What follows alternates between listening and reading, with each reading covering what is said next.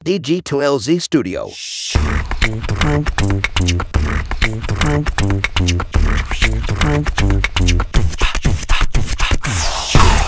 Selamat pagi, siang, sore, atau kapan pun waktu yang teman-teman pakai untuk mendengarkan podcast ini. Kembali lagi bersama saya Panji di podcast Ngobrol Bisnis.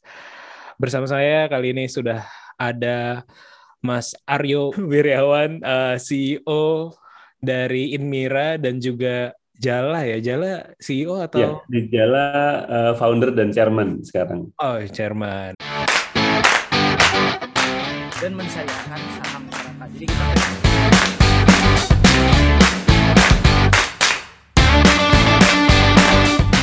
beda sama Jakarta kalau orang Bandung tuh uh,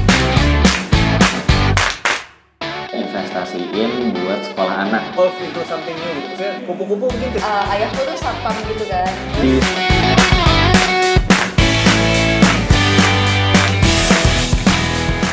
Belakangan ini nih lagi ramai nih uh, agriculture, spe- spesifiknya mungkin aquaculture ya. Industrinya memang udah lama berkembang gitu, cuman belakangan ini di dunia perstartupan ya, digital lagi naik-naiknya nih. Aruna baru aja hari ini ya uh, uh, apa ngerilis uh, ya prosesnya mungkin udah berapa uh, lama karena aku anak-anak Bandung jadi uh, cukup tahu. Evisery juga uh, yang sangat bom- bombastis gitu.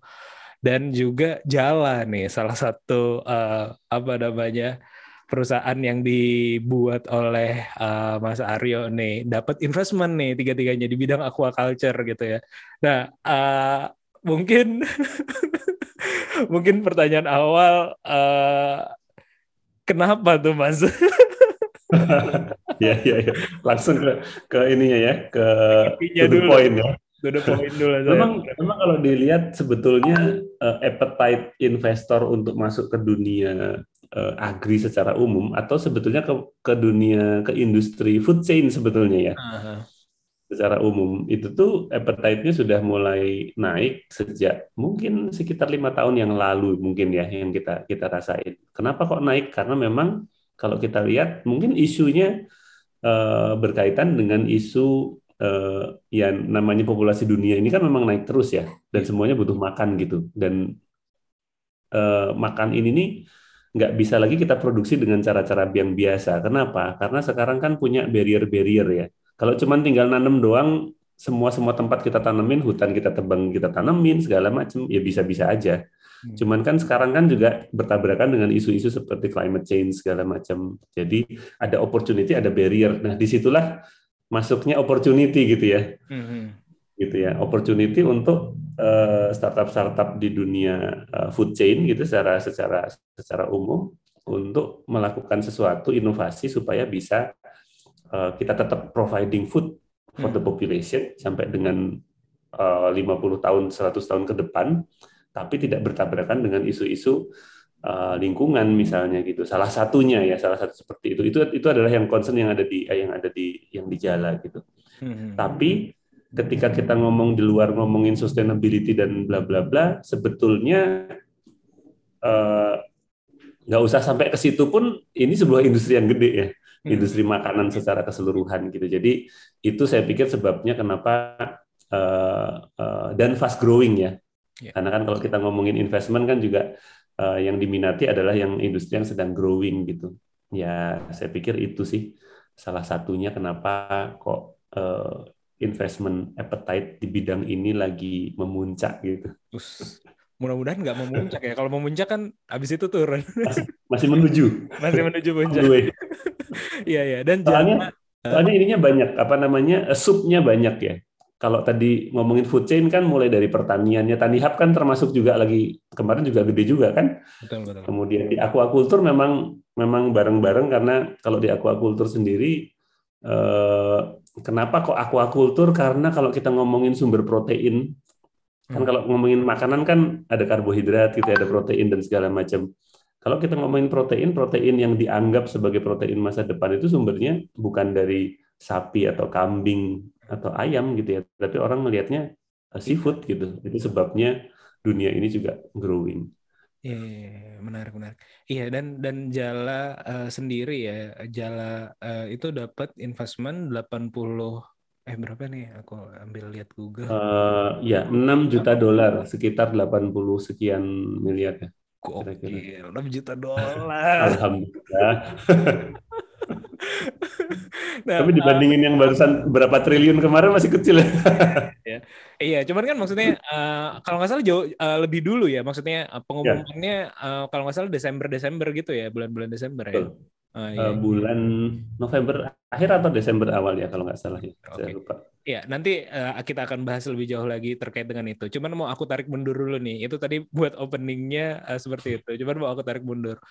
Eh, Mas Aryo kan bisnisnya, eh, kalau yang setahu aku ya, aku kita kenal kan kenal-kenal selewat gitu ya, dan ketemu pun sebenarnya gara-gara kegiatan entrepreneurship ya di Yap. di backup ya, eh, backupnya eh, Kemenpare eh eh, Backcraft ya dulu dulu Backcraft dulu, ya. Eh, iya dari situ. Nah, setahu aku kan memang eh, menjalankan usaha di bidang eh, ya tadi fasih banget makanya ngomongin masalah lingkungan hidup karena di In- Inmira gitu. Mungkin nanti cerita juga sedikit boleh tentang Inmiranya, tapi aku pengen tarik mundur dulu. Kalau dulu memang eh, main ke arah bisnis seperti ini, eh, backgroundnya apa mas sebenarnya awal-awal gitu? Oke. Ketika mulai profesional lah ya, atau ketika selesai lulus lah gitu ya? Ya, ya, ya, ya. Oke. Eh, kalau sebetulnya kalau rootnya kenapa saya suka di bidang ini karena dari kecil em, pertamanya saya suka bidang seperti ini nih gara-gara dulu waktu saya kelas 2 SD orang tua saya itu pindahan dari dulu dulu saya kota gitu ya. Lahir di di tengah kota di Yogyakarta di dekat di dekat Stadion Mandala Krida sana kemudian tinggal di dekat Tugu dekat Malioboro sana kan tengah banget tuh. Tapi kelas 2 SD eh, kena gusuran kemudian pindah ke kampung gitu di dekat lereng Merapi ini gitu. Tapi ternyata singkat cerita itu itu pertama kali saya enjoying enjoying eh, nature gitu ya saya pikir ya. Karena karena tiap hari bisa main di sawah cari cari cari ikan di kolam kemudian bisa punya kolam bisa miara ikan gitu ya. Itu happy banget rasanya gitu ya. Itu tapi eh, waktu kecil. Tapi kemudian ketika saya kuliah sebenarnya saya kuliahnya teknik informatika kan Oke. jadi nggak nyambung sebetulnya sama dunia lingkungan dan dunia makanan gitu. Mhm. kalau informatika itu kan eh, tapi bagusnya kalau anak-anak informatika bilang kan kita sekolah di informatika guru kita Google ya. Cari mau masuk ke dunia makanan kita googling dulu. Apa nih industrinya? Kita bisa belajar dari situ. Jadi em, eh, kalau setelah lulus eh sorry sorry. Saya perlu cerita dulu waktu mau milih milih kuliah sebenarnya aslinya karena saya dari awal suka soal pertanian dan perikanan saya mau kuliah di jurusan perikanan. Eh pertanian sorry. Hmm. teknologi hasil pertanian waktu itu yang pengen saya masukin. Tapi bapak saya bilang lu dari kecil di sawah terus eh, main di sawah teman-temannya juga eh, bidang itu semua terus sekarang lu kuliah itu lagi kayaknya dunia lu sempit banget deh gitu. Kenapa nggak nggak pursuing other interest gitu ya? Karena kebetulan saya juga suka banget ngoprek komputer gitu. Jadi oh apa ya other interestnya? Ya udah deh pengen pengen tahu perkomputeran karena zaman itu memang masih uh, uh, uh, uh, apa namanya ya? Ya early stage lah web uh, segala macam dan lain-lain gitu. Jadi ya udah sekolahnya di situ. Nah singkat cerita setelah lulus ternyata nggak jauh-jauh gitu. Karena almarhum ayah saya itu masih eh, berbisnis di, di bidang pertanian waktu itu. Jadi punya punya perusahaan yang namanya Inmira ini. Jadi di Inmira ini saya generasi kedua nih. Oh, ya. oh, iya. di Inmira itu eh, didirikan sama almarhum ayah saya pertama kali bisnisnya adalah pupuk organik. Produksi pupuk organik waktu itu. Hmm. nah ketika saya lulus tapi saya yang pertama kali eh, lakukan itu sebetulnya saya bikin eh, software house ya zaman itu sama teman-teman yang lain gitu. Jadi nggak langsung profesionalnya masuk ke Inmira. Saya sempat bergelut di bidang software juga. Waktu itu bikin produk eh, software untuk khusus di di di apa namanya perpustakaan ya. Waktu tahun 2002 Mhm. tahun 2002 Ini berarti saya angkatan angkatannya angkatan angkatan Nas- eh Azmi ya, seangkatan Azmi ya, Mas Azmi. Eh, saya lebih tua setahun sama Asmi Oh.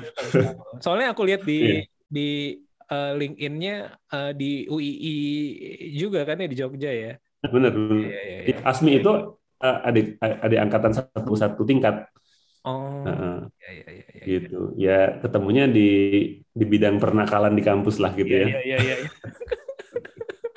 Gak usah diceritain nanti dia denger. Oke, terus habis dari situ em, perjalanannya cukup cukup cukup cukup apa berliku-liku juga. Saya di satu sisi jalani dunia eh, informatika tadi, bikin software segala macam. Di satu sisi saya mulai diseret-seret sama sama almarhum ayah saya untuk ikut kalau misalnya ada apa-apa yang berbau eh, pertanian, terutama dari sisi bisnisnya. Misal eh, di Ilmira ketemu sama calon partner apa gitu ya, kamu ikut deh dengerin aja nggak apa-apa gitu. Nah dari situlah saya mulai kembali lagi tuh sebetulnya ingat sama romantisme masa lalu, di mana saya hobi banget sama, terutama saya daripada agrikulturnya saya lebih passionate di bidang aquaculturnya sebetulnya. Saya suka banget sama air, sama ikan, sama hal-hal yang berbau seperti itu gitu. Makanya ya di situlah akhirnya eh, sejak tahun 2001 sebetulnya saya mulai eh, apa namanya akrab lagi sama per- sama perikanan terutama tambak udang Hmm. karena almarhum ayah saya buka tambak udang pertama kali nyobain itu tahun 2001 dan Hmm. ternyata saya jatuh cinta ya sampai sekarang Hmm, ya, ya, ya.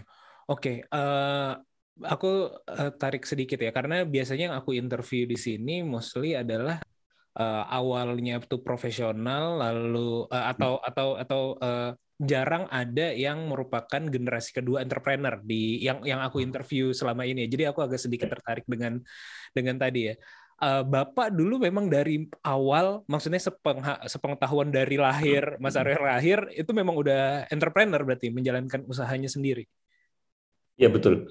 Jadi eh, keluarga saya itu bapak itu adalah entrepreneur eh, bagian sabet-sabet ke sana kemari gitu ya cari cari cari usaha tambahan waktu saya kecil. Sedangkan ibu saya adalah sebagai fondasinya karena beliau PNS gitu ya eh, dosen eh, dosen di Kopertis di di Jogja gitu. Nah itu itu eh, kehidupan di keluarga kayak gitu. Jadi buat kehidupan sehari-hari eh, itu dari gajinya ibu. Hmm. tapi kalau mau nambah gitu ya buat main, buat beliin mainan segala macam harus nunggu apa ada ada ada penghasilan tambahan nih gitu ya. Jadi dari awal memang eh, hidup dalam ekonomi yang kadang-kadang tidak pasti gitu. Itu tuh sudah jadi kebiasaan ya. Makanya sampai sekarang Hmm. suka banget tuh sama begitu-begitu. Ini menarik banget soalnya saya saya sendiri eh, saya sendiri tuh bapak PNS ya Eh, single income lah hanya dari bapak aja ibu ibu ru- rumah tangga terus juga mostly yang saya saya apa namanya saya temui di eh, di podcast ini terus di mana-mana jarang sekali yang ada sih beberapa yang generasi kedua gitu ya. Eh, cuman jarang gitu. Nah sebenarnya saya pengen ngulik nih eh, kalau di zaman saya ya atau ya di beberapa orang-orang yang saya interview gitu ya ketika kita eh, sebagai generasi pertama jatuhnya ya untuk mau ngambil langkah jadi entrepreneur atau pengen bisnis gitu itu sering kali dapat pertentangan tuh dari orang tua gitu lo ngapain? kayak gitu. Atau ya ngapain sih udah sekolah kayak gini-gini dagang atau apa kayak gitu-gitu lah ya. Jadi banyak isu-isu kayak gitu. Nah apakah itu itu terjadi nggak kalau di orang yang orang tuanya adalah apalagi bapak ya kalau bapaknya PNS ibunya mungkin entrepreneurship ya mungkin eh, income utama tentu saja dari bapak tetap kayak gitu kan. Nah kalau dari bapaknya sendiri entrepreneur gitu apakah apakah dapat pertentangan nggak sih sebenarnya? Ya, kalau di eh, aku sih anu ya apa namanya didukung beruntung ya Hmm. kalau dipikir-pikir sekarang ya karena eh, bapak itu membebaskan banget eh, anak-anaknya mau pursuing apa gitu ya Hmm. betul-betul bahkan eh, ini ekstrimnya juga ya waktu itu kan tadi kan aku bilang tahun 2001 mulai eh, karena itu tahun 2001 aku harusnya kan lulus harusnya ya Iya. tapi itu udah tutup teori udah KKN segala macam tinggal skripsi aku ngilang tiga tahun dari kampus gitu. Hmm. dan dan ya karena apa? Karena tadi bikin perusahaan sama teman-teman tadi yang di bidang software house tadi itu gitu kan. Di situ pun ketika itu terjadi bapak bukan yang ngejar-ngejar segera dapat ijazah segera lulus segala macam tapi memang oh ya kamu ada yang dikejar eh, tapi jangan lupa sama kuliahnya ya cuman gitu aja gitu. Hmm. gitu. Jadi kalau dari sisi dukungan tentang dunia entrepreneur ya alhamdulillah banget sih saya pikir eh, sangat sangat didukung dan tidak ada pertentangan seperti itu mungkin justru challenge-nya adalah lebih ketika transisi ya. Ketika Bapak eh, meninggal, kemudian saya lanjut di situ. Nah, nah itu different story tuh. Di situ di situ lebih banyak tantangan di situ gitu sebetulnya. Hmm, I see, I see, I see. Menarik, menarik. Iya, saya, saya ingat karena udah cukup lama juga yang ngebahas masalah uh, generasi kedua ya. Jadi saya di podcast ini kalau nggak salah di awal-awal saya sempat ngobrol juga dengan salah satu uh, pemilik hotel gitu dan dia generasi kedua gitu. Jadinya memang uh, dan bisnis keluarga mungkin lebih konvensional ya dibanding uh, Inmira gitu karena dia bisnis keluarga yang memang udah ya keluarga semualah ketika dia mau take Hmm. over karena dia uh, cukup berpendidikan gitu uh, dan dia mencoba hal-hal baru, uh, hal-hal yang tadinya nggak nggak apa namanya uh, banyak kekeluargaannya gitu ya dalam tanda kutip gitu, uh, jadinya dibikin lebih rapi secara manajemen, terus secara uh, struktural dan segala macam kayak gitu. Uh, dan memang salah satu advantage-nya kalau kalau yang saya lihat dari dia adalah ya tadi sama juga kayak Mas Aryo gitu nggak ada pertentangan sama sekali bahkan memang di encourage untuk ya pasti meneruskan bisnis tapi juga eh apa ya kreasi-kreasi yang lain mah tetap kayak gitu kan. Eh, Mhm. Nah eh, ketika Mas Aryo ya jadi generasi kedua eh, tantangan utamanya apa tuh? Pasti yang yang satu mungkin kalau eh, meneruskan mungkin eh, relatif muda terus juga dibanding masih ada karyawan bapak masih ada VP-nya mungkin apa segala macam yang yang udah bercokol lama itu itu gimana tuh bisa diceritain mas? Bener, bener, bener. Memang eh, itu challenging banget ketika ketika taking over ya. Memang karena em, sebetulnya Bapak tidak tidak eh, terlalu mengencourage eh, anak-anaknya untuk nantinya melanjutkan perusahaan keluarga ini sebagai operator gitu ya. Memang kalian masih secara keluarga memiliki, tapi kalau memang nggak nggak mampu, jangan mengoperate perusahaan gitu. Mendingan dikasihin ke profesional. Lebih ke pola pikirnya ke, ke situ sebetulnya tadinya. Tapi ketika itu kebetulan eh, almarhum bapak ini meninggalnya cukup mendadak gitu ya. Jadi nggak nggak nggak nggak terduga-duga dan ketika sedang pik-piknya gitu sehingga kita juga juga gagap banget tuh ketika ketika ada ada ada butuh untuk untuk per- peralihan manajemen ya. Em, tantangan yang pertama adalah tentang budaya sebetulnya. Ketika eh, tadi persis seperti yang, yang yang diomongin tadi bahwa perusahaan ini karakternya itu khas banget karakter perusahaan yang masih dijalankan oleh first foundernya. Hmm. Apa tuh karakteristik utamanya? Yaitu adalah dia sangat kuat dan sentralistik terhadap si first founder ini. Gitu ya. Jadi apa-apa bapak gitu apa-apa gimana kata Bapak. Semua orang nanya kalau mau ada keputusan gimana kata Bapak dan lain-lain. Jadi kayak sebuah kayak matahari beserta planet-planet yang mengelilingi gitu ya. Nah, ketika matahari ini nggak ada kan planetnya orbitnya kacau nih. Hmm. Gitu. Nah, pertama kali yang saya lakukan waktu itu adalah saya pikir oke, ini perusahaan nggak bisa begini gitu. Dan yang saya eh, langsung sadari adalah saya nggak bisa langsung replacing posisinya Bapak sebagai matahari di sebuah konstelasi planet-planet ini tadi gitu. Hmm. Saya harus menciptakan konstelasi sendiri yang sesuai dengan karakter saya gitu. Karena bagaimanapun juga saya nggak mungkin dong eh, saya adalah anaknya kemudian saya menggantikan 100% gitu. Saya punya karakter yang berbeda, saya punya segala macam yang berbeda dan saya kepengen perusahaan ini sebetulnya bisa jadi perusahaan yang long lasting nggak harus di manage sama keluarga ke depan. Makanya yang pertama kali saya lakukan adalah membenahi sistem. Sama bukan membenahi, ding, membangun ya lebih tepatnya.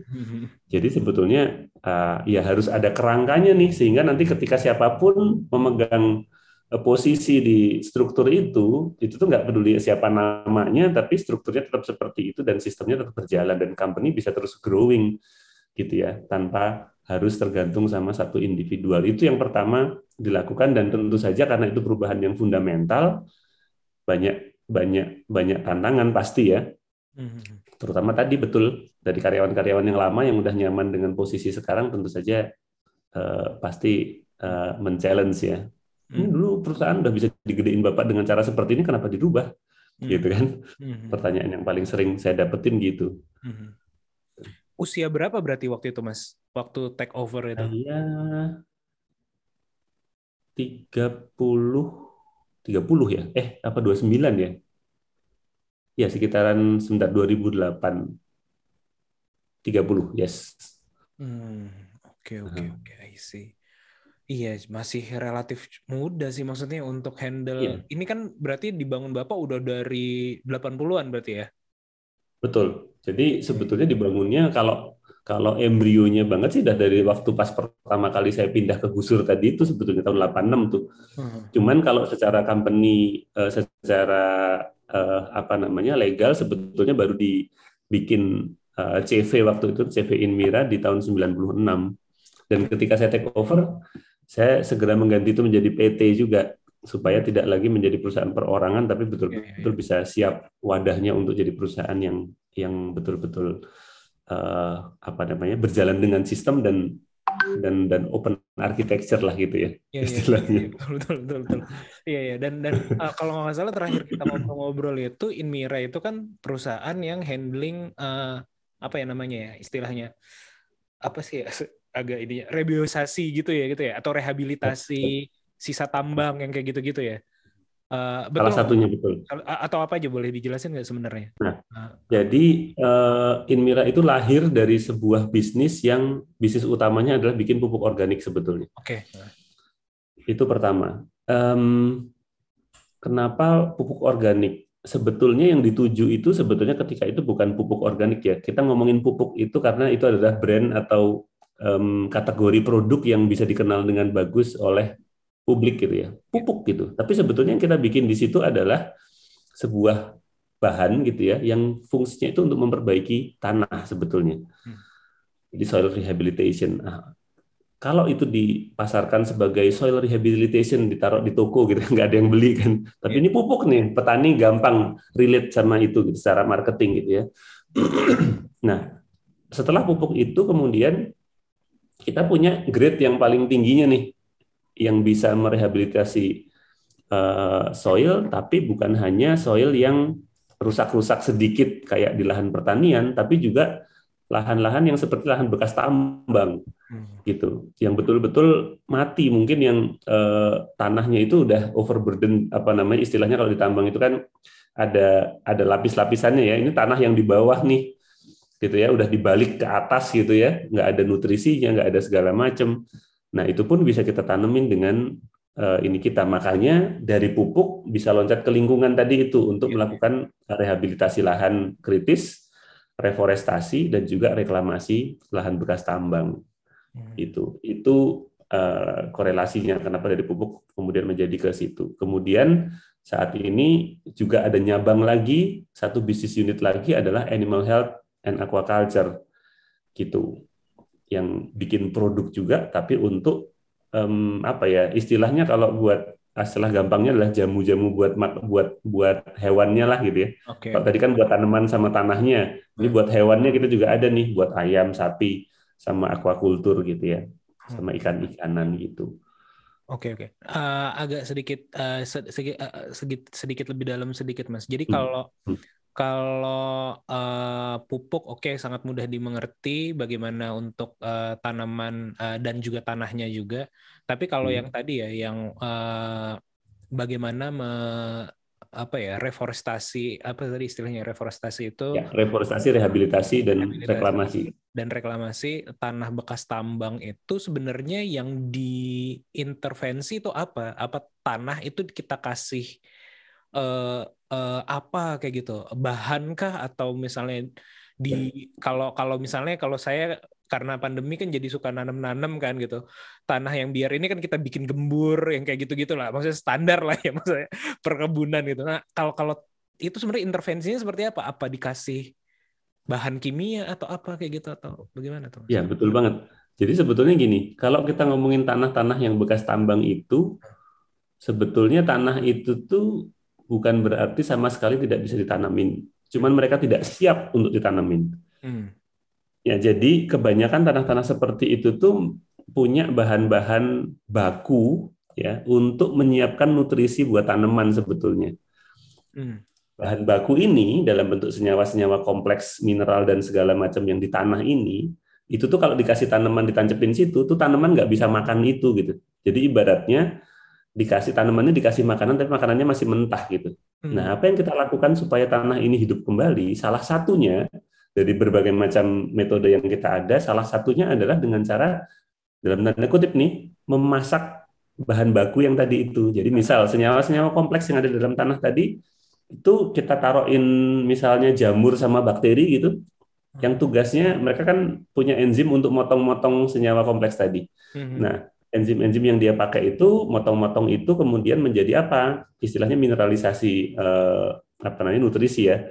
Itu tuh misal eh, tanah itu kalau butuh eh si tanaman itu ketika butuh em, unsur nitrogen gitu, dia kan nyerapnya dalam bentuk NH4+ atau NO3- gitu. Nah, itu tuh disiapin tuh sama si bakteri sama si jamur sehingga si, si tanaman tinggal nyerap gitu Hmm. gitu ya. Jadi memasakkan atau me, apa, mempersiapkan eh, nutrisi di situ gitu. Sehingga akhirnya ketika kita sudah kasih bahan tadi itu yang isinya tadi ada ada mikroorganisme, ada jamur sama bakteri, kemudian ada asam-asam organik di dalamnya gitu ya di tanah ini. Nah, tanah ini menjadi siap untuk ditanemin. Nah, di situlah akhirnya bisa menumbuhkan tanaman dengan baik dan normal gitu. Ya, ya, ya. Ini saya nge-recall memori pelajaran zaman saya SMA nih jadinya jadi sangat-sangat jauh sekali ya. Maksudnya ah, mencoba oke mikroorganisme memang salah satu indikator kalau kalau udah mulai eh, bisa hidup lagi kan sebenarnya kalau lahan habis kena eh, merapi apa kena la- lahar atau apa segala macam kayak gitu. Eh, oke menarik Ya, banget. dia perintis ya. Perintis ya betul, perintis. Nah, kalau prosesnya tuh berapa lama sebenarnya? Jadi ini uh, karena aku lagi tertarik banget masalah isu lingkungan spesifiknya tadi ya uh, apa namanya bekas uh, ta- tambang gitu kan memang kita kan uh, termasuk negara yang memang royal ya dalam dalam tapi tapi dal- dalam konteks tertentu positif tapi ada juga kan beberapa yang menyikapi itu sebagai negatif kayak gitu dan uh, mesti bijak juga sih dalam dalam dalam konteks tersebut. Nah, cuman sebenarnya uh, kalau dari sisi ini kan ber- berarti pendekatan teknologi juga gitu ya. Kalau mm, proses uh, rehabilitasi tadi itu atau reforestasi itu uh, berapa lama sih sebenarnya uh, dari mulai misalnya udah nggak dipakai, lalu kita coba rehabilitasi sampai uh, bisa uh, tumbuh lagi lah ibaratnya. Uh, sebetulnya uh, waktu yang dibutuhkan nggak terlalu lama ya. Biasanya kita kalau di project itu uh, bahkan sebulan sampai dua bulan itu sudah siap untuk ditan- ditanemin lagi gitu. Kenapa? Karena uh, kerjanya uh, teman-teman yang mikro-mikro ini, yang kecil-kecil ini memang memang cepat sebetulnya ya untuk segera memproses apa yang ada di situ gitu. Dan dari situ uh, akhirnya sebentar. Halo, halo. Iya, iya, masuk, masuk. Terus nggak ya? Enggak, enggak, enggak. Sebentar. Eh, saya, saya, Oh, saya enggak ya? terkesima. Jadi kelihatan bengong. Soalnya di sini tiba-tiba eh, apa wifi saya kok itunya goyang-goyang Oh, enggak, enggak, enggak. enggak. kayak nggak Oke, oke, oke. Oke. Siap. Jadi eh, akhirnya eh, si eh, apa mikroorganisme mikroorganisme mikroorganisme tadi itu cepat banget dia memproses eh, memproses eh, tanah tadi itu supaya siap untuk ditanemin kembali dan habis itu itu sebetulnya alam sudah recovery sendiri ya. Jadi Hmm. kita bahkan treatment itu cuman kita lakukan pertama aja sekali aja. Habis itu cuman perawatan. Dan di situ otomatis nanti begitu kita udah tanam tanam tanamannya itu nanti akan eh, mulai tumbuh eh, tanaman itu misalnya gini, tanaman itu ketika udah tumbuh dia memancing apa? Memancing hewan-hewan yang lain atau serangga yang lain. Hmm. Tadi kan mikroorganismenya udah ada. Kemudian yang agak lebih tinggi kan serangga nih. Hmm. Tiba-tiba banyak semut, banyak laba-laba, ya kan? Itu mereka juga punya peranan di situ gitu ya. Ya. Dan kemudian dari situ banyak serangga kemudian mengundang apa? Burung datang Hmm. Ya kan? Burung datang makan si serangga segala macam tadi ketika dia dan juga burung itu biasanya jadi penyebar eh, bibit-bibit juga ya. Ketika dia buang kotoran di suatu tempat mungkin dia habis makan buah-buahan di mana ada burung yang datang ke situ kemudian eh, kotoran benih bisa tersebarkan ke situ. Makanya akhirnya lama-lama tumbuhlah eh, hutan secara alami Iya. gitu ya.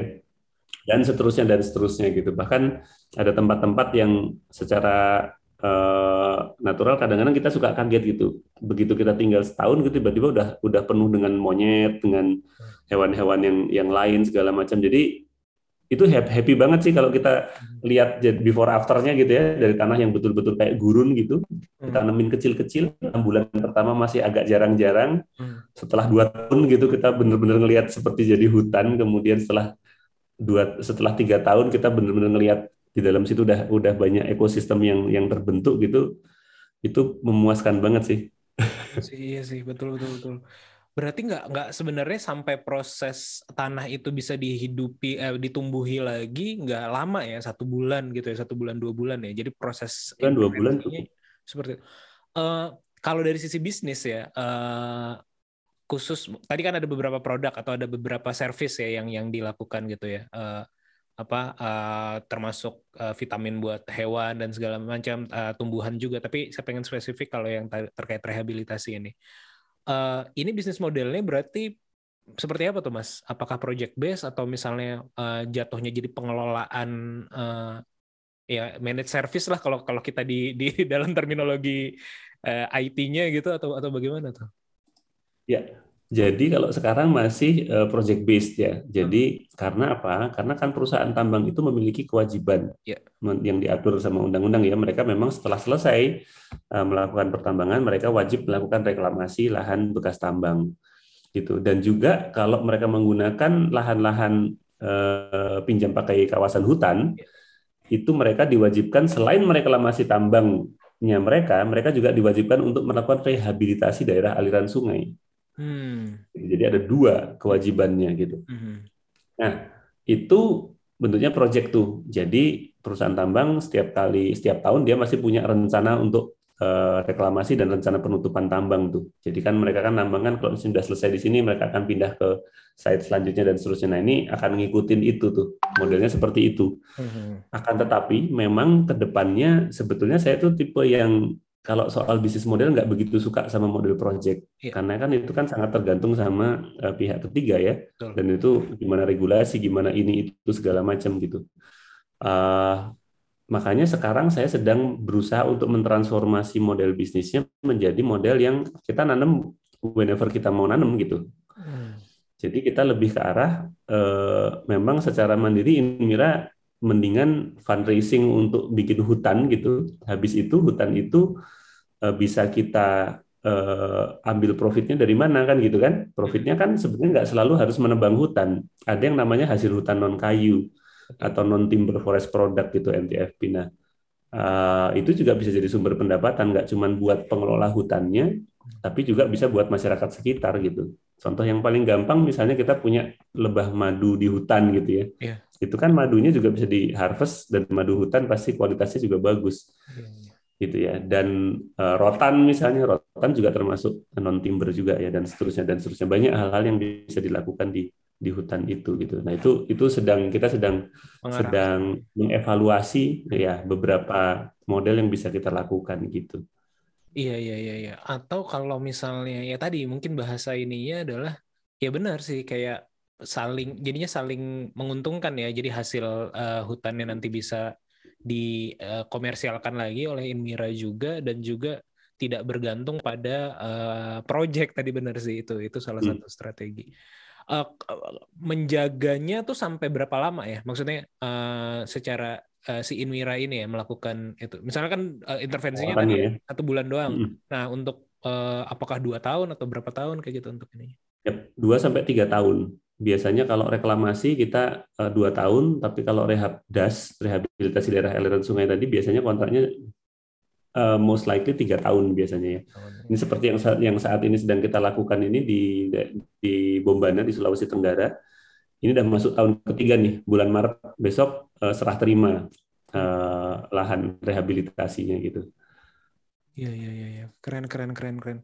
Ini menarik banget sih saya sendiri baru baru tahu ya biasanya eh ya waktu itu hanya hanya sekilas-sekilas aja ya. Jadi saya baru tahu memang ada benar-benar bisnis yang beneran menjalankan eh, seperti ini gitu. Ibaratnya kalau kalau kalau dalam beberapa konteks kita ngomongin eh, saya sering soalnya di podcast ini ngomongin eh, partner ngobrol ngobrolnya adalah dari aktivis lingkungan lah yang kayak gitu-gitu gitu atau yang concern ke masalah sustainability. Tapi mereka geraknya mostly ya sebagai eh, NGO ataupun juga ya misalnya saya pernah ngobrol juga di sini dengan salah satu ininya uh, Medco Foundation ya tapi mereka kan foundationnya gitu uh, uh, dan memang saya agak sedikit sulit dalam uh, memisahkan bukan memisahkan ya berpikir uh, pure sosial gitu loh jadi kayak kayak misalnya Hmm. apa uh, ini kan sebenarnya uh, memberi impact yang bagus gitu kan tapi ya bisnis gitu kan as a business gitu ini Betul. ini ini Betul. ini menarik menarik sih sebenarnya sangat sangat menarik Betul sekali.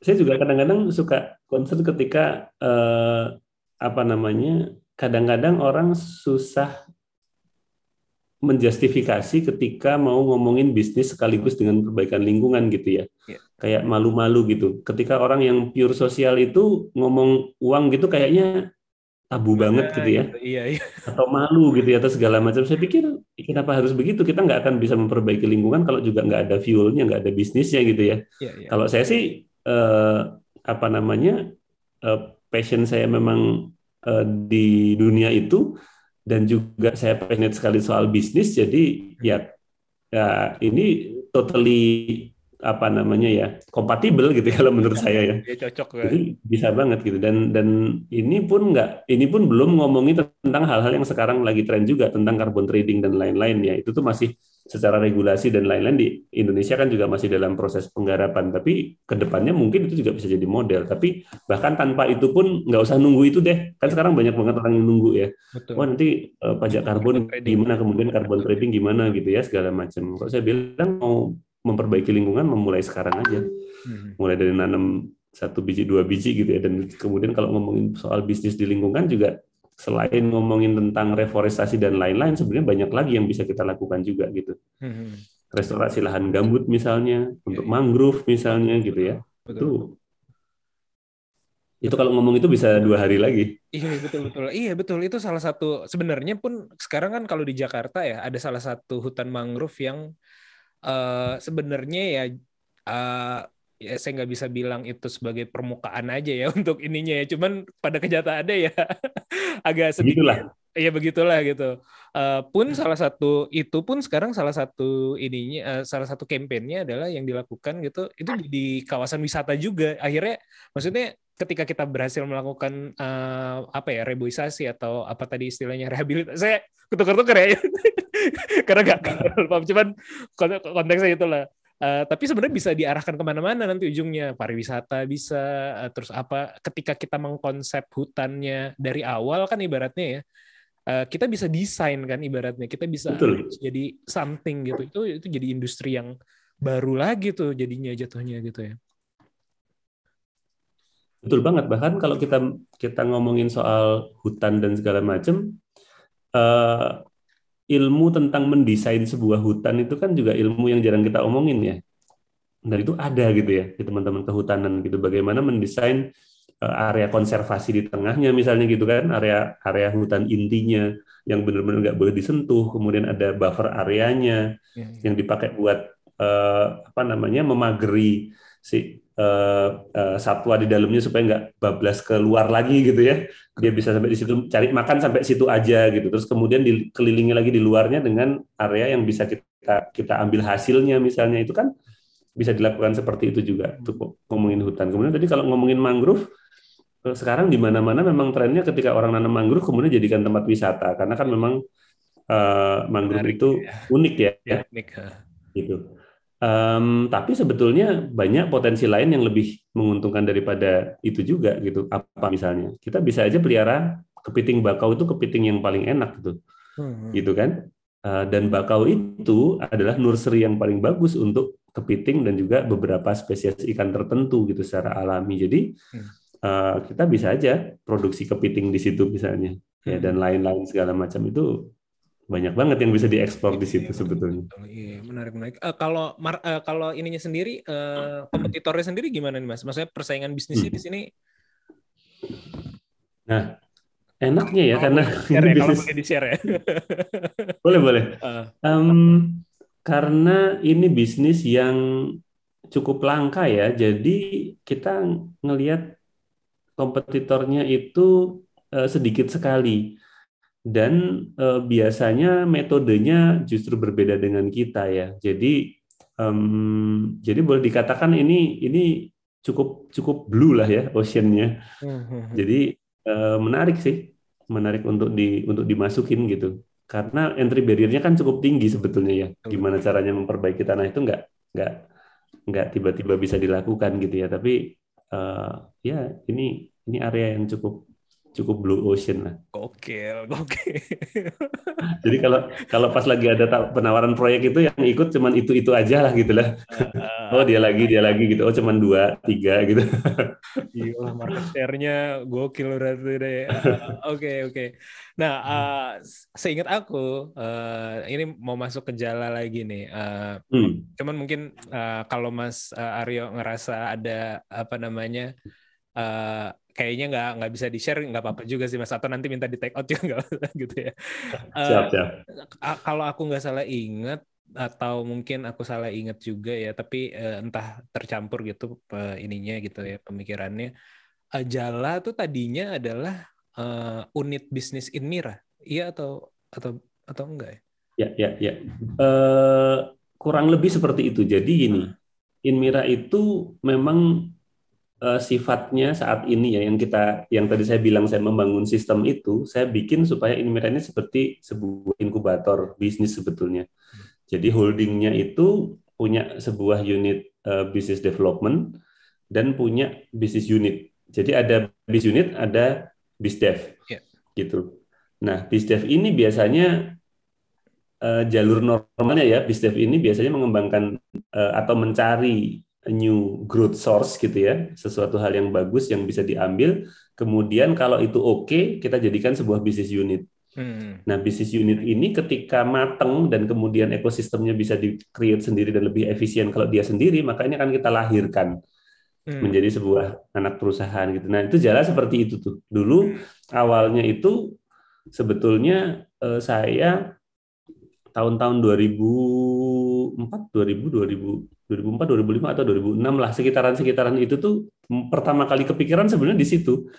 Cuman waktu itu tuh timingnya sangat tidak memungkinkan karena apa? Karena eh, apa namanya jaringan internet belum seluas Ya. sekarang. Kemudian teknologi masih mahal, teknologi sensor dan lain-lain. Karena kan jalan kan awalnya kan IoT-nya ya. IoT. Walaupun sekarang udah beyond IoT ya, tapi awalnya kan dari situ. Dan ketika itu masih mahal banget, makanya waktu itu ada konsep itu, eh, saya cuman cuman cuman apa namanya, wah ini kayaknya masih dream lah gitu ya. Tapi kenapa saya kepikiran konsep itu sebetulnya gara-gara di perusahaan saya yang IT sama teman-teman tadi, Iya.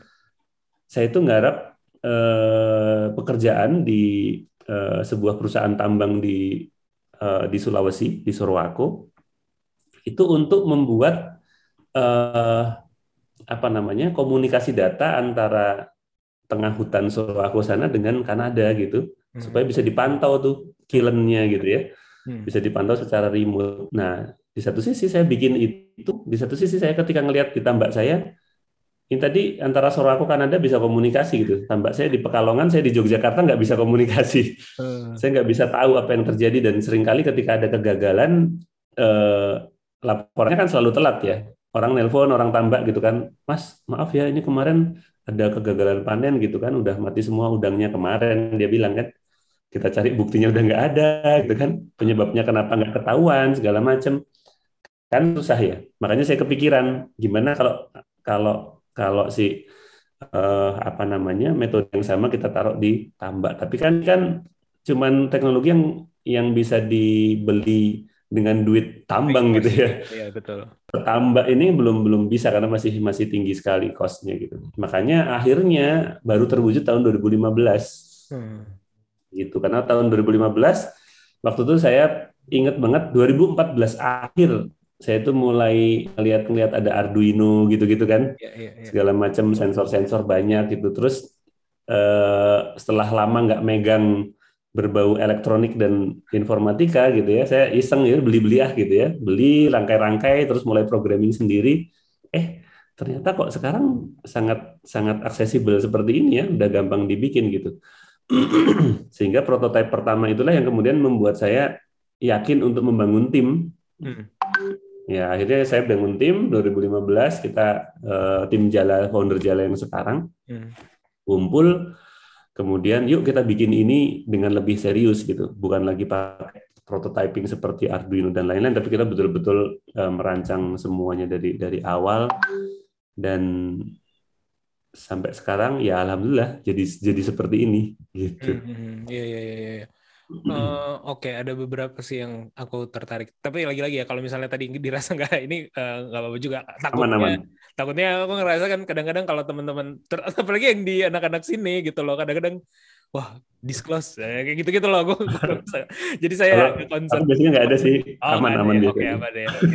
uh, ini apa? Ada beberapa tadi ya yang menarik. Pertama mungkin kalau ter, sepengetahuan aku ya atau kebanyakan yang terjadi adalah kalau kita ngomongin kan kemarin baru dapat investment yang cukup besar gitu ya 6 juta dolar seperti itu uh, treatment uh, investornya bagaimana tuh? Atau manajemennya bagaimana? Karena sepengetahuan aku tadi kalau kalau apa ya jarang sekali ya uh, investor tipikal startup uh, yang mencari memang capital uh, gain atau capital growth uh, pada umumnya lah termasuk di industri ini itu uh, oke okay dengan uh, suatu bisnis yang dimiliki oleh bisnis lain gitu ya. Kayak ini anak perusahaan seperti itu. Biasanya memang maunya one layer aja. Gue uh, invest ya ke founder kayak gitu. Founder yang ada ada di dalamnya. Uh, itu terjadi nggak? Diskusi seperti itu terjadi nggak? Atau ada permasalahan nggak terkait dengan hal itu? Kalau menurut Mas Arya?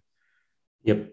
Betul banget. Uh, saya saya setuju tentang uh, biasanya kalau startup itu sebaik se, sebaiknya memang one layer aja ya. Jadi jangan ada oh, ini anak-anak anak dan lain-lain segala macam. Hmm. Terutama itu terjadi kalau uh, terlihat strukturnya itu punya potensi untuk uh, siphoning uh, finance ya. Hmm. Jadi bisa disifon gitu duitnya dari dari anak perusahaan ke ke ke induk perusahaan gitu. Nah, itu adalah skema yang yang sangat ditakuti dan sangat tidak disukai oleh investor gitu. Ya. Makanya jangan punya struktur yang seperti itu. Akan tetapi kalau uh, modelnya ekosistem ya seperti yang di Inmira dengan Jala ini modelnya bukan anak perusahaan nih. Hmm. Jadi kita jadi lebih lebih mirip seperti sister company lebih tepatnya. Hmm. Karena uh, di Jala sendiri uh, yang masuk ke situ sahamnya bukan sahamnya PT Inmira, hmm. tapi saya pribadi. Oh. Jadi sebetulnya seperti seperti uh, first layer juga ya. Ya, ya, ya. Tapi kita juga tidak menyembunyikan bahwa kita punya Inmira dan ekosistemnya gitu. Justru ini menjadi sebuah kekuatan karena apa? Kan punya sejarah panjang di sini dan punya pengalaman di sini ya. Jadi justru kita bisa membuat uh, ekosistem ini menjadi sebuah nilai plus ya instead of menjadi uh, sesuatu hal yang menakutkan buat si investor tadi gitu. Hmm. Oke, okay, I see. Berarti sebenarnya concern utamanya adalah bukan di masalah kepemilikan uh, atau mungkin tetap ada concern ya makanya tadi uh, uh, Mas Aryo sendiri yang ibaratnya uh, ownership-nya adalah ownership Mas, Mas Aryo di situ makanya yeah. jatuhnya jadi kayak sister company. Tapi yang lebih penting dari itu adalah masalah ya tadi masalah transparansinya lah sebenarnya ya agar jangan uh, satu jangan disembunyikan kalau memang uh, ada korelasi gitu atau ada hubungan. Yang kedua adalah masalah uang masuknya ya memang per, uh, apa namanya uh, hanya ya memang untuk yang ini gitu bukan nanti di uh, apa dilempar ke induk atau bagaimana Betul. kayak gitu untuk untuk untuk seperti itu ya, ya, ya. itu ya berarti salah salah satu yang sering sering saya dengar ketika mentoring sama teman-teman startup gitu ya itu kan sering kali ada perusahaan ini software house nih terus dia punya produk ya, ya gitu kan terus produknya ini mau di startupin gitu ya ya. tapi ini nanti produk ini yang bikin karyawannya di sini gitu ya. Kemudian nanti uh, jadi akhirnya duit investor yang masuk ke si produk ini ini dipakai buat apa? Buat menghidupi software house ini, bayar karyawannya ini, bayar apa? Ini kan sistem yang yang yang jadinya nggak nggak nggak bagus dan nggak fair buat buat si investor juga ya. Ya betul betul. Gitu. Nah, yang model-model mirip seperti itu yang yang yang sebaiknya dihindari gitu buat teman-teman uh, yang punya startup. Oke, oke. Iya, iya, betul, betul. Nah, pertanyaan kedua saya terkait dengan ini adalah masalah ini kan tadi uh, dimulainya sebagai bisnis uh, bisdev lah ibaratnya bisnis development kalau belum jadi bisnis unit ya bisnis development di Inmira. Uh, yang terlibat di sana uh, mungkin juga ada yang pakai resource uh, awal asal muasalnya resource Inmira, mungkin tim tim-tim awalnya atau bagaimana.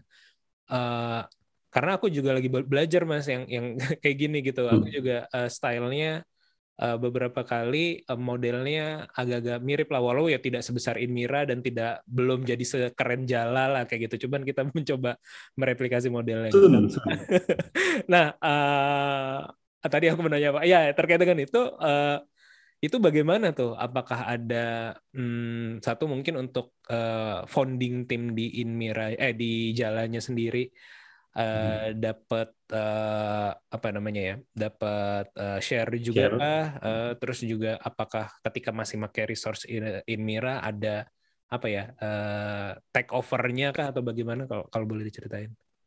Ya, betul. Jadi gini, ada beberapa model yang bisa kita lakukan eh, sebetulnya agak fleksibel. Jadi gini, misalnya contohnya gini, ketika di awal berdirinya itu kan em, kita bootstrapping ya. Ketika bootstrapping ini sebetulnya temptation-nya adalah pakai uangnya induk perusahaan untuk menjalankan dulu anak perusahaannya ya. Betul. Tapi itu biasanya saya hindarin tuh. Hmm. Kenapa? Karena itu mengcreate sebuah eh, budaya si anak perusahaan ini biasanya ah ada induk ini gitu kan kalau lagi kurang duit tinggal minta kan gitu ya itu harus dihindari sebetulnya kalau menurut saya kayak di Jala ya. Jala itu kan sejak pertama kali eh, jalan dia udah cari cari duit sendiri gitu. Ketika belum punya revenue mereka harus jadi mau nggak mau jadi macan lomba gitu ya. Ikut ikut lomba pitching di sana sini segala macam. Apalagi kita ngembangin hardware kan butuh butuh duit yang lumayan dibandingkan kalau ngembangin software ya. Betul. waktu di awal saya ingat sekali tuh teman-teman eh, ikut lomba di Indonesia sama di India. Menang dua-duanya dapat hadiah. Lumayan tuh dapat hadiah eh, sekitar 600-an atau 650-an juta kali ya Mhm. itu dipakai menjadi modal awal kita yang pertama kali benar-benar bootstrapping dari situ gitu dari hadiah dua lomba itu Hmm. walaupun ternyata uang segitu juga habis begitu saja dan nggak jadi apa-apa Iya. karena belum apa namanya belum nemuin uh, produk market fitnya sampai habis gitu sampai akhirnya harus harus nyari lagi dan seterusnya dan seterusnya itu that's another story tapi ketika kita bicara tentang uh, resources sharing tadi uh, bisa jadi resources yang saya sharing bukan yang berbau uang tapi berbau knowledge gitu ya misal tentang pengelolaan ke keuangan kelemahan dari startup di awal itu kan biasanya memang belum bisa ngelola uang Betul. Sedangkan saya punya orang tim finance yang sudah cukup berpengalaman di Inmira gitu. Nah, mereka bisa bantuin tuh. Hmm. Gini loh cara bikin eh, laporan keuangannya, gini loh caranya untuk menstrukturkan eh, apa namanya? eh, financial model gitu ya Mhm. dan seterusnya dan seterusnya. Kemudian yang kedua yang yang selain finance yang sangat berguna menurut saya adalah eh, HC. Hmm. Di Inmira itu eh, salah satu yang paling kuat human capital eh, departmentnya gitu. Dan itu yang saya juga pakai untuk eh, apa namanya memayungi teman-teman Jala ketika belum punya sistem sendiri gitu. Nah itu dua resources yang dipakai. Nah kemudian dua resources tadi dibayar pakai apa? Em, ketika memang ini sebuah startup yang belum ada hasil apa-apa, ini memang ya memang karena saya punya ini kita memang karena sistem company ya, jadi memang dibantuin gitu ya Mhm. nggak ada masalah gitu. Dan kemudian ketika bicara tentang eh, share tadi, eh, co-foundernya Jala segala macam seperti apa, em, co-foundernya Jala semuanya kita bagi share tentu saja ya. Jadi kita eh, betul-betul eh, mengoptimalkan eh, apa namanya pembagian eh, share itu dengan para co-founder. Karena kan memang ada model-model eh, teman-teman yang modelnya itu ketika misalnya seperti saya tadi, saya punya produk segala macam, kemudian kita ngumpulin tim, tim ini dikasih saham tapi kecil-kecil aja. Kemudian digaji tapi nggak terlalu yang mengendalikan saya gitu. ya. Kalau saya nggak, saya pengennya justru teman-teman yang saya ajak gabung ini betul-betul yang punya passion bisnis yang sa- yang sama gitu. Jadi justru supaya saya bisa agak sedikit mundur dan teman-teman ini betul-betul menjadi tim yang yang bisa mewarnai di situ gitu. Jadi nggak terus apa-apa harus harus saya gitu. Jadi betul-betul makanya shares yang dibagi juga eh, saya pikir eh, lebih lebih signifikan dibandingkan kalau model yang satunya lagi tadi gitu. Karena saya lebih lebih suka hands off ya. Saya orangnya nggak terlalu micromanaging gitu. Hmm. Saya lebih orang idea. Saya Hmm. menyadari ya bahwa saya itu kelemahan utamanya adalah eh, Perintilan. apa namanya stamina untuk perintilan-perintilan gitu ya. Sama- itu nggak bisa panjang. Gitu. Iya iya. iya. Nah, cuman kalau di saya ya, saya juga tipikalnya begitu. Cuman memang sangat apa ya? eh, mungkin kelemahan juga ya, atau mungkin belum ketemu juga sih. Ke ke kendala saya terbesar ya mungkin Mas eh, Arya bisa bisa nanti ini ya ngasih insight ya. Kendala saya untuk melakukan itu adalah menemukan orang yang tepatnya sih sebenarnya. Jadi maksudnya eh, saya nggak masalah juga berbagi share yang besar jauh lebih besar di porsi mereka dan segala macam. Cuman memang eh, gimana ya itu masih sering terjadi kendala di finding the right person gitu loh sih. Mas Aryo gimana tuh waktu waktu itu? Atau Iya, iya, berkah iya. semesta aja dapat teman-teman di jalan nih? Atau emang ada pengkaderan gitu secara serius atau bagaimana gitu? Iya, iya, iya, iya. Sebetulnya boleh dikatakan ya memang berkah juga ya ketemu sama teman-teman yang betul-betul bagus, tapi tetap ada perjalanannya sih. Hmm. Karena gini, em, saya percaya ketika di awal kita itu selalu cari orang yang terbuka dan bisa ngobrol secara eh, eh, eh, eh, apa namanya ya, eh, ngobrol di depan gitu ya, apa-apa ya itu sih kriteria yang pertama kali saya saya cari gitu. Karena kalau kita nyari eh, misalnya gini ketika saya kalau saya pertama kali nyari co-founder itu saya mikir bahwa oh harus ada orang yang kuat elektronik nih.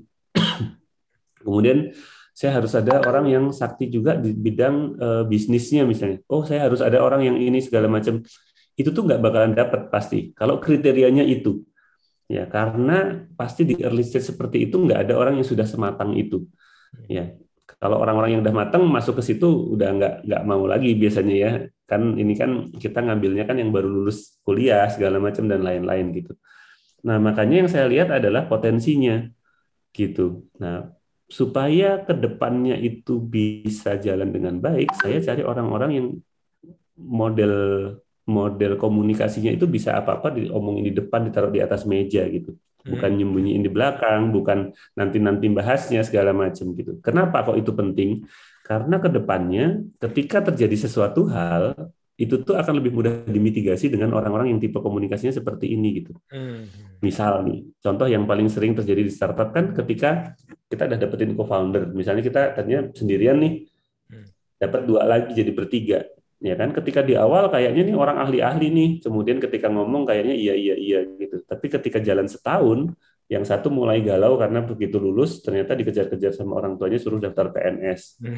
Udah nggak tahan lagi nih, gitu kan? Wah udahlah gua keluar lah segala macam, padahal udah dikasih saham 25% misalnya. Hmm. Terus gimana tuh? Kan gitu ya sering sering sering di ini ini ya. Kemudian yang satunya lagi, oh dia ternyata dapat eh, dia frustrasi karena ini nggak dapat dapat produk market fit. Kemudian dia rasanya kepengen loncat ke startup sebelah karena dia tergiur sama yang lainnya misalnya gitu. Ya, ya. Ini kan juga juga sering kali terjadi. Makanya kalau eh, orang dengan model komunikasi yang saya bilang tadi, saya bisa lebih mudah berkomunikasi tentang misalnya gini eh, dari awal memang kita bikin sebuah founders agreement gitu ya bahwa kita pakai skema eh, cliff misalnya gitu ya.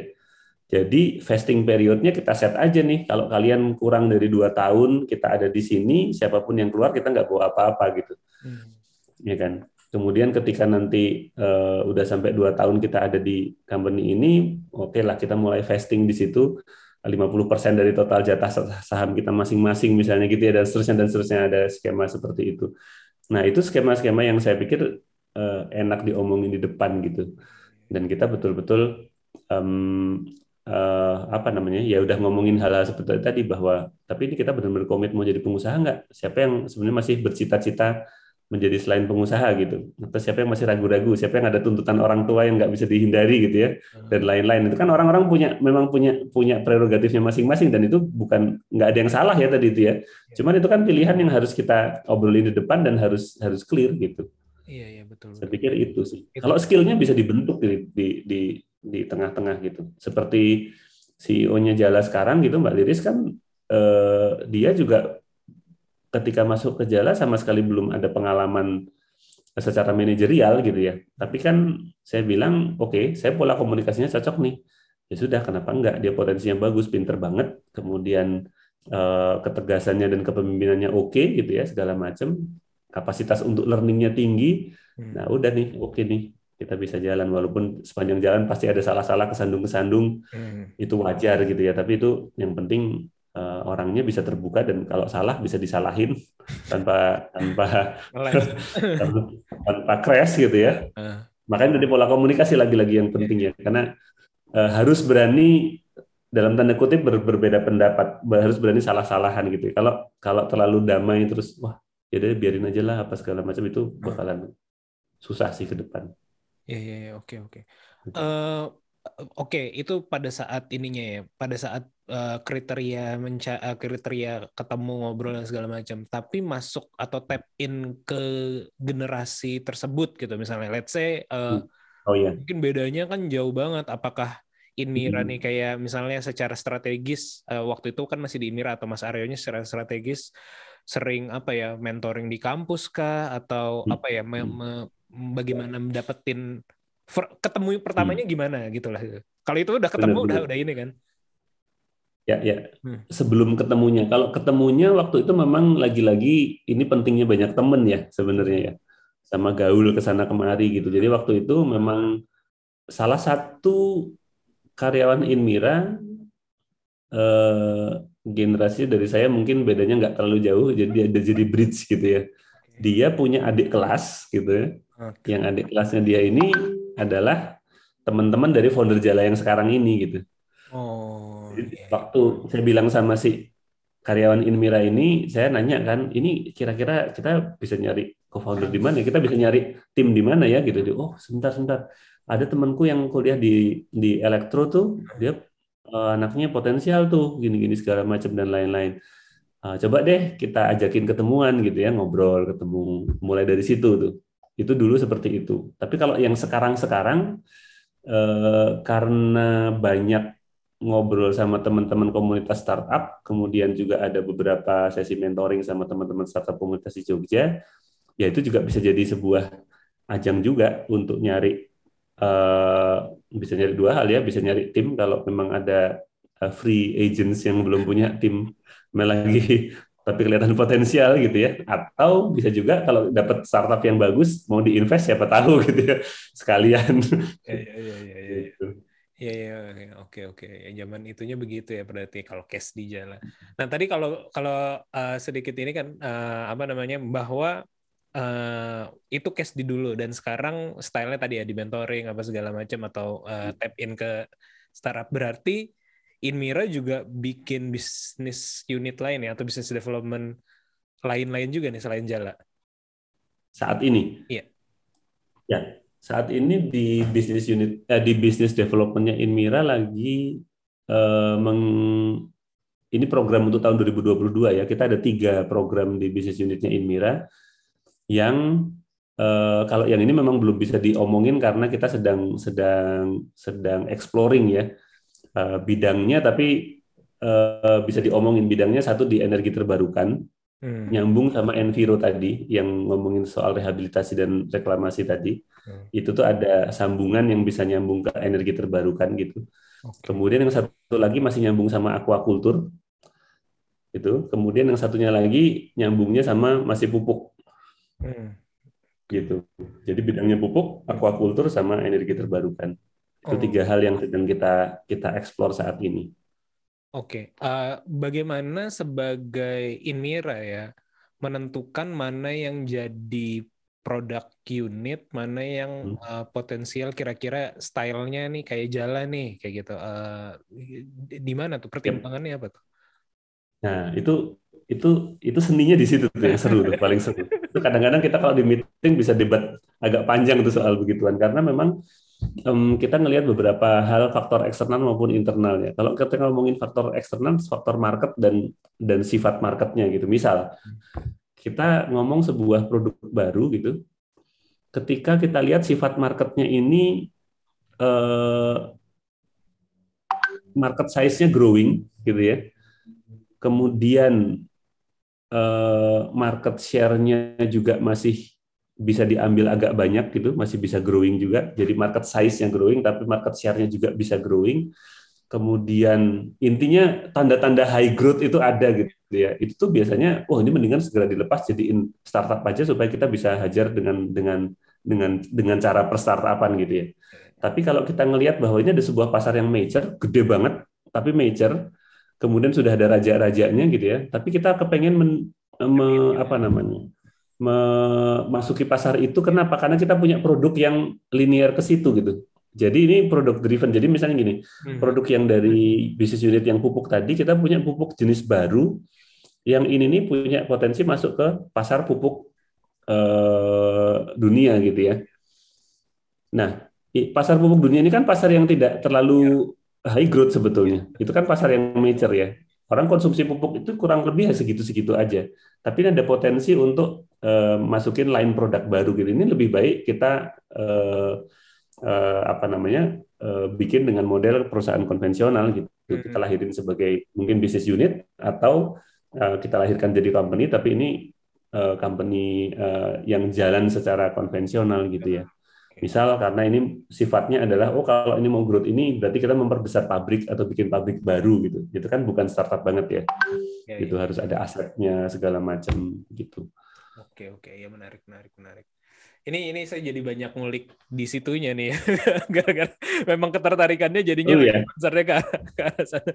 Oke eh, mungkin sedikit sedikit lagi tentang tentang Jala ya. Eh, Oke eh, udah banyak banget sih medianya yang ngebahas ya Jala dapat investment terus Jala itu apa gitu. Cuman mungkin kesempatan saya bertanya kepada foundernya langsung. Kalau yang saya tahu ya Jala itu kan apa ya jadi tools atau jadi sebuah ekosistem buat orang kalau mau budidaya udang lah ya secara spesifik eh, seperti itu. Hmm. Eh, benar begitu aja kah atau misalnya secara eh, apa ya bahasanya apa sih namanya tuh value propositionnya begitu kah gitu atau, atau Mhm. seperti apa nih dari foundernya langsung? Iya iya betul betul. Hmm. Jadi Jala itu em, memang sebuah platform yang bantuin orang untuk nambak udang gitu, udang paname. Mulai dari hulu sampai ke hilir ya, dari mulai kebutuhannya dia untuk eh, berbudidaya itu sendiri, gimana sih caranya supaya kita dapat yield yang bagus kan gitu kan? Oke. Dapat eh, apa panenan yang lebih tinggi daripada panenan biasanya gitu. Gimana sih caranya? Oh sebelum sampai panen nih, gimana caranya milih lahan? mana sih perairan-perairan yang airnya itu bagus? Kita punya database-nya Hmm. dari dari alat-alat kita dan lain-lain segala macam gitu ya. Kita punya kita tahu nih, oh kalau ada orang mau invest di udang, karena kan udang ini kan investnya nggak nggak nggak kecil ya. Ya. Untuk satu hektar itu eh, butuh 2 miliar gitu untuk untuk bikin tambak udang gitu dan biasanya kalau orang bikin oh buka 20 hektar buat buka segala macam kan lumayan. Berarti kan mereka harus milih tempat yang betul-betul bagus gitu. Kita bisa bantuin mulai dari milih tempat. Hmm. Kemudian bagaimana membudidayakan dengan bagus dengan data driven gitu ya. Hmm. Ada IoT kita, ada apps kita, ya dan seterusnya dan seterusnya. Kemudian nanti nyambungin lagi sama market. Kita juga punya platform harga udang kan yang memang eh, jadi jadi jadi patokan data yang dipakai di kalau nyari harga udang di mana-mana baik itu publikasi internasional maupun nasional itu biasanya kalau di Indonesia harga udangnya ngambilnya dari harga udang yang dipublish dari di Jala gitu ya. Hmm. Jadi kita dari sisi data intelligence itu juga kita eh, sangat spesialis ke, ke ke bidang perudangan. Makanya kita bisa mendukung para pembudidaya udang untuk bisa lebih efisien dan lebih produktif gitu. Hmm. Nah dari situ kemudian kalau udang ini panen mau dijualin ke mana, kita juga bisa jadi jadi jadi off takernya juga Hmm. gitu. Hmm. Ya, ya betul betul. gitu. Jadi kurang lebih seperti itu gitu. Dan kemudian ketika kita jadi one stop one stop uh, service ya bedanya kita dengan yang lain kita memang spesialis udang gitu. Kalau mau ngomongin udang uh, ya nggak ada yang lain yang lebih tahu selain Jala gitu. Namanya Value sangat- begitu. Ya, ya, mantap mantap namanya pun sangat ini sekali ya sangat aquaculture sekali ya Jala tuh itu keren sih saya sempat waktu itu sempat bilang Mas Aryo ya ada tahu ada kawan saya juga anak Jakarta anak-anak ya Jakarta eh, nama startupnya juga Jala teman dia lebih ke apa namanya Jala AI ya kalau nggak salah ya. Iya, lebih ke untuk ngejala ini apa sih ibaratnya eh, aduh apa sih namanya kalau dia tuh orang internet marketer lah awalnya jadi untuk ngejala apa sih namanya uh, kalau misalnya ada sales uh, itu inbound Hmm. outbound yang kayak gitu-gitu sih ngejala itu dalam dalam artian ini Ya, ya, ya, ya. dan stylenya pun agak mirip ya maksudnya dalam konteks uh, bukan bukan dalam konteks jalannya tapi dalam konteks Inmira ke jalannya gitu jadi dia juga Hmm. ada holding terus juga bikin uh, beberapa inisiatif uh, bisnis unit gitu Uh, ya mungkin Ya, memang ya, ya. Itu jalan yang ini ya yang yang sekarang lagi rame lah ya ibaratnya oke Betul, Oh, betul. Oke, sedikit lagi mas tentang tentang jalan. Jadi kan kalau kalau kita ngomongin eh, eh, startup gitu ya, berarti tadi high growth gitu. Nah kalau jalan sendiri eh, akan ngikut eh, tren yang mana nih? Kalau kalau saya sih biasanya melihatnya ya, kalau secara pragmatis atau mudahnya, gampangnya adalah kita ngekor dengan eh, yang udah sukses, kita coba ikutin stylenya kayak gitu, jalurnya lah ibaratnya. Udah ada jalannya, kita Mhm. ikutin jalannya. Nah, kalau di aquaculture eh, salah satu tadi yang kita sebut juga ya misalnya kayak e-fishery kayak gitu atau misalnya eh, tani hub kayak gitu. eh, itu kan udah udah udah udah oke gitu, dapat investment, growth-nya juga cepet gitu. Cuman memiliki style yang berbeda. Kalau tadi kan ada beberapa si Jala ini memiliki apa ya? all in one lah ya ibaratnya, all in one service untuk di perundangan. Eh, yang akan dikuatin yang mana nih dengan eh, ini dan akan ningkatin growth-nya? Apakah tadi produk untuk off takernya ibaratnya kayak tani hub-nya lah Mhm. ibaratnya nanti jualan dan segala macam atau kalau kita lihat misalnya kayak e-fishery sebenarnya em, yang buat jadi strategis sekarang justru kan join dengan eh, pakannya kan dengan dengan eh, eh, channeling eh, distribusinya atau ch- channeling pakannya dengan Jafra kayak gitu kan. Jadi jadi itu salah satu. Apakah nah yang apakah mengikuti salah dua dari track ini atau bikin track baru nih untuk untuk ngejar Ya.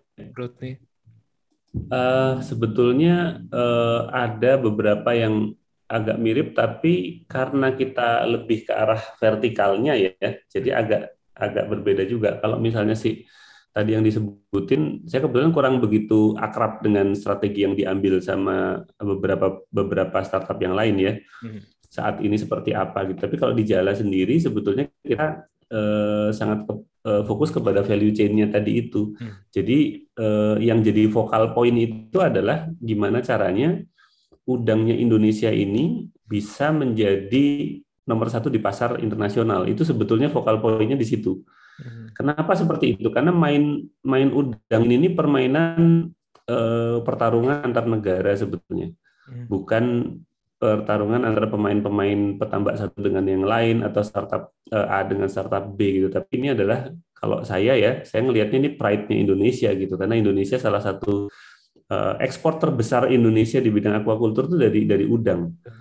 Eh, by value itu sekitar 40% sendiri gitu ya dari udang. Makanya pemerintah juga sekarang me- apa, me- mentargetkan untuk meningkatkan lagi nilai ekspor dari udang itu eh, di sampai dengan tahun 2024 itu sekitar 250% dari sekarang. Mhm. Jadi tinggi eh, growth yang dikehendaki sama pemerintah gitu ya. Mhm. Kenapa kok growth-nya harus tinggi seperti itu? Karena kita punya positioning untuk pengen menjadi negara eksporter udang yang terbesar di dunia gitu. Hmm. Karena saat ini kan kita masih kalah sama eh, beberapa negara tetangga, seperti misalnya eh, tetangga yang paling dekat Vietnam, Hmm. terus ada India tuh yang belum lama dia naik tiba-tiba produksinya dengan sangat pesat gitu ya. Kemudian ada satu lagi Ekuador Hmm. yang itu stylenya beda. Jadi kalau kita ngomongin udang dunia ini mapnya itu tuh punya style sendiri-sendiri. Ekuador tuh stylenya udang yang sustainability-nya tinggi gitu ya. Kalau kita ngomongin India ini udang yang murah Hmm. gitu. Ngomongin Vietnam udang yang murah juga tapi sekarang sedang transformasi ke arah sustainability gitu. Nah, sedangkan Indonesia ini eh, boleh dikatakan saat ini masih brandingnya udang komoditi. Hmm. Jadi eh, masuknya ke pasar pasar eh, udang komoditi seperti US, bukan seperti udang yang traceable kemudian sustainable ke ke Eropa, tapi ke arah yang US yang komoditi yang udang apa pun kualitasnya, apa pun size-nya bisa dimakan gitu. Nah, kalau di Jala, udangnya Jala ini kan harus diposisionikan. Udangnya Jala mau udang apa sih? Gitu ya. Kita maunya udang yang sustainable Hmm. gitu ya. Jadi kita eh, tujuannya vokal pointnya di situ kita mau bikin udangnya Jala ini atau udang Indonesia yang eh, varian Jala gitu ya itu adalah udang yang sustainable yang bisa di trace betul-betul dari ujung ke ujung bahwa ini betul-betul udang yang dibudidayakan dengan baik tidak merusak lingkungan nutritional facts-nya bagus gitu ya Hmm. dan memiliki eh, standar eh, dampak sosial juga yang bagus gitu Hmm. kan kita udah masukin ESG kita di karena kebetulan salah satu eh, itu itu juga sebabnya eh, salah satu investor kita adalah impact investor juga gitu ya karena kita mem- memang, memang ngejar ke arah situ Ya, ya, ya, ya. gitu Dan memang secara apa ya, mungkin ya paling signifikan mungkin dua tahun terakhir ini lah ya orang makin concern secara market ya, makin concern terhadap sustainability ya, maksudnya Betul. dari mana ini berhas berasal kayak gitu, terus apakah organik atau ya mungkin karena covid juga ya orang makin makin concern. Jadi bukan sekedar kalau kita ngomongin tadi kan kita berangkat dari eh, kenapa investor ini pada tertarik gitu atau ya secara umum market pada tertarik gitu ya pada ini. Karena kan memang ini industri yang nggak akan mati ya eh, sandang pangan papan lah ibaratnya kan termasuk pangan gitu eh, kalau kita tap in di industri ini. Tapi makin ke sini pangan ini jatuhnya bukan jadi sekedar eh, biar kenyang kan jatuhnya udah mulai mikirin sustainability juga sih. Dan memang saya tuh sangat suka udang. Jadi memang eh, kalau saya kalau ini apa ya dari kecil gitu favorit saya udang udang goreng tepung yang kayak gitu-gitu. Apalagi kalau main ke Jogja ke Bantul gitu dan segala macam itu gokil gokil kemarin saya dari Kalimantan juga nyobain udang sungainya apa di Kalimantan Selatan itu. Ini enak banget sih. Maksudnya kenapa orang eh, apa ya ya saya saya baru tahu sebenarnya tadi faktanya bahwa memang ekspornya gede juga Indonesia ya tapi ya kalau itu bisa eh, lebih di ini lagi dengan jala ya akan akan menarik banget sih ke depannya. betul betul Iya iya iya. Jadi udang ini ini sama nih. Saya juga dari kecil kalau kalau makan eh, apa namanya salah satu favoritnya udang ya. Ah, Terutama tadi itu kalau anak kecil kan udang goreng goreng tepung Iya. tuh pasti itu. pasti ya. Walaupun eh, apa namanya em, ketika kita kita ngomongin udang tadi itu udang yang dipasarkan di dalam negeri sayangnya nih ya masih sampai sampai saat ini seperti juga komoditas yang lain ya itu tuh biasanya yang second grade ataupun yang grade yang tidak masuk pasar ekspor kan.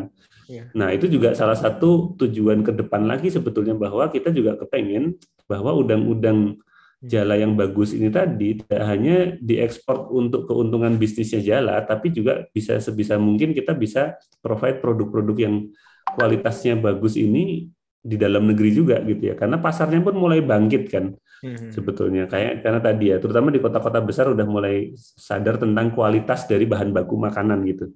Betul. Sebelum kita ngomongin soal organik dan sustainability pun yang paling gampang di attack itu adalah soalnya ngomong tentang kualitas barang itu sendiri gitu. Hmm. Ini udang baru dipanen kemarin. Nah, sekarang udah sampai ke supermarket dan itu bisa di- dikonsumsi dan itu eh, orang ketika mulai eh, mengenal udang yang fresh gitu ya, Hmm. yang betul-betul eh, belum lama dipanen atau sudah atau maksimal seminggu tapi melalui eh, supply chain yang bagus gitu ya, cold chain-nya yang gitu ya, itu pasti nggak akan bisa balik lagi ke udang yang biasa gitu, ya kan? Lidahnya Karena udah jadi beda. jadi terasa gitu. Betul betul. Betul itu jadinya makin mahal, Mas. Maksudnya kita jadi Iya, biaya bulanan makin mahal deh jatuhnya karena lidahnya udah ngerasa Karena- enak. bener. Lidahnya kalau anak-anak itu juga bilang ini lidah udah rusak nih katanya nggak bisa makan makanan yang biasa gitu. Dan kemudian ketika eh, ngomongin si si apa namanya pasar udang ini tadi Hmm. luar negeri kan Eropa terutama ya. Eropa sama Australia tuh dua pasar yang paling cerewet soal sustainability. Sertifikasi yang dibutuhkan untuk masuk ke sana eh, beda gitu ya dengan sertifikasi yang masuk ke pasar yang lain gitu. Dan itu sangat menarik untuk di tap sebetulnya pasar-pasar itu buat para pengusaha udang yang di Indonesia gitu. Karena saat ini pengusaha udang di Indonesia itu masih ngomongnya gini ah pasar Eropa cerewet gitu kan. Pakai mintanya ini itu ini itu kita jual ke tempat lain aja lah gitu ya jadi eh, mentalitas eh, di di di tempat kita kadang-kadang masih seperti escapism gitu ya. Jadi Iya, iya. orang kalau ada pasarnya susah mereka escape cari pasar yang lebih gampang. Padahal takutnya nih Hmm. ketika pasar-pasar tadi lama-lama men- mem- mem- membutuhkan yang sustainable semua, kita jadi lagging karena tadinya kita escape escape escape ketika udah nggak bisa escape kita terlambat. Karena pemain yang lain seperti India yang tadinya di- dikenal sebagai ini udang dalam tanda kutip nih udang kotor tapi murah. Hmm. itu tuh pun sekarang sudah mulai menuju ke arah sustainability. Vietnam pun begitu tadinya murah sekarang udah menuju sustainability. Kalau kalau kita nggak ikut ikutan Mhm. lama-lama kita yang kehilangan pasar. Iya, gitu. Makanya di situlah misinya Jala tadi untuk bikin eh, Indonesia ini tetap menjadi produsen eksportir udang yang paling unggul di di dunia gitu Iya, iya, iya, menarik, menarik, menarik. Betul, betul. Itu ini sih apa? Bukan cuman terjadi di eh, ya perudangan ya, hampir semuanya gitu. Saya ngobrol sama teman-teman yang di kopi juga begitu. Saya ngobrol eh, termasuk juga isu ma- masalah kualitas oke dikirim kelu- kualitas nomor satu dikirim keluar yang dalam negeri menikmati yang second grade dan segala macam itu memang memang terjadi sih. Tapi ya eh, sering kali orang-orang jadinya beralasan tadi ya petani terutama atau mungkin eh, penambak gitu ya. Eh, ya ujung-ujungnya kita bisa nginiin eh, pasar dalam negeri kalau mau excuse terus kan maksudnya ya udah kita serve pasar Hmm. dalam negeri aja cuman ya ya ini kan kita harus ngejar terus-terusan ke atas gitu sih. Eh, Nah, kalau kalau ngeliat potensi ekspornya, tadi kan salah satu strateginya Jala tadi ya di di vertikal tersebut gitu apakah akan memungkinkan juga gitu memfasilitasi ekspornya? Dalam artian ya tadi mungkin eh, secara praktik eh, praktek eh, yang saya bilang kayak kayak tani hub lah dia jadi hub untuk tradingnya justru yang kayak gitu. Apakah ada kemungkinan untuk ke arah sana juga gitu?